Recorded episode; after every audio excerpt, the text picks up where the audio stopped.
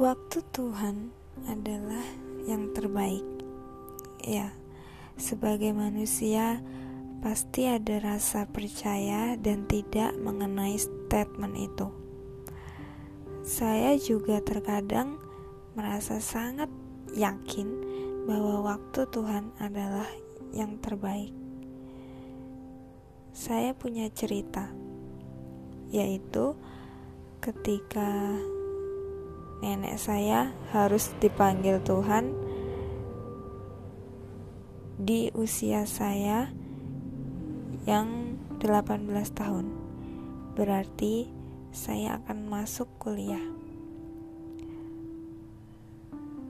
Nenek saya sudah banyak merencanakan hal untuk saya ketika saya harus kuliah di luar nenek saya yang sangat excited tentang keberhasilan saya untuk masuk ke universitas di luar kota. Beliau pernah bilang bahwa nanti ketika saya pindahan, beliau harus ikut. Lalu kami akan jalan-jalan. Tapi ternyata Tuhan berkata lain. Satu minggu sebelum saya pergi untuk pindah,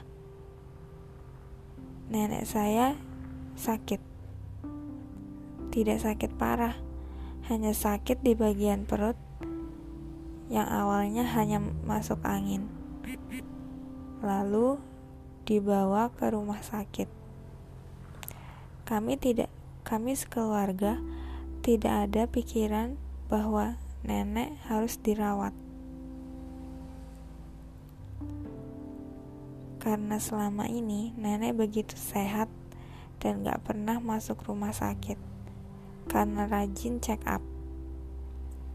Tapi saat itu saya dan ibu saya yang menemani nenek seharian untuk menuju poli rawat jalan.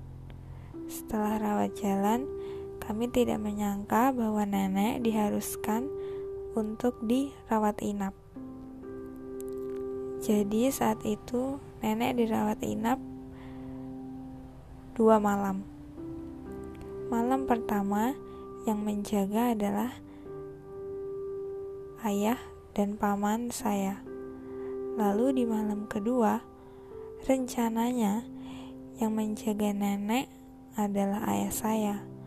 Tapi entah apa yang ada dalam pikiran saya, saya ingin menemani ayah saya untuk menjaga nenek saat itu. Dan saat itu kami tidak bisa tidur. Yang kami lakukan hanya berbincang-bincang. Saya hanya ngobrol dengan ayah saya, sedangkan nenek saya tidur.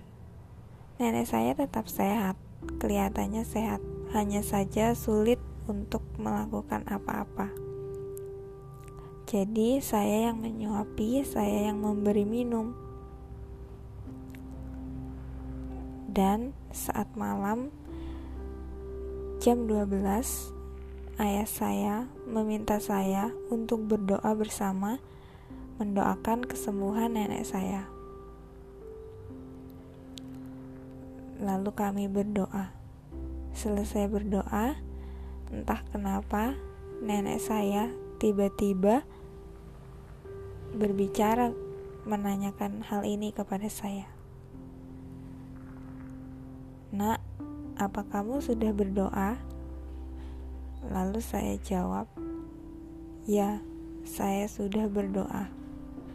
Setelah itu, nenek saya tidur lagi.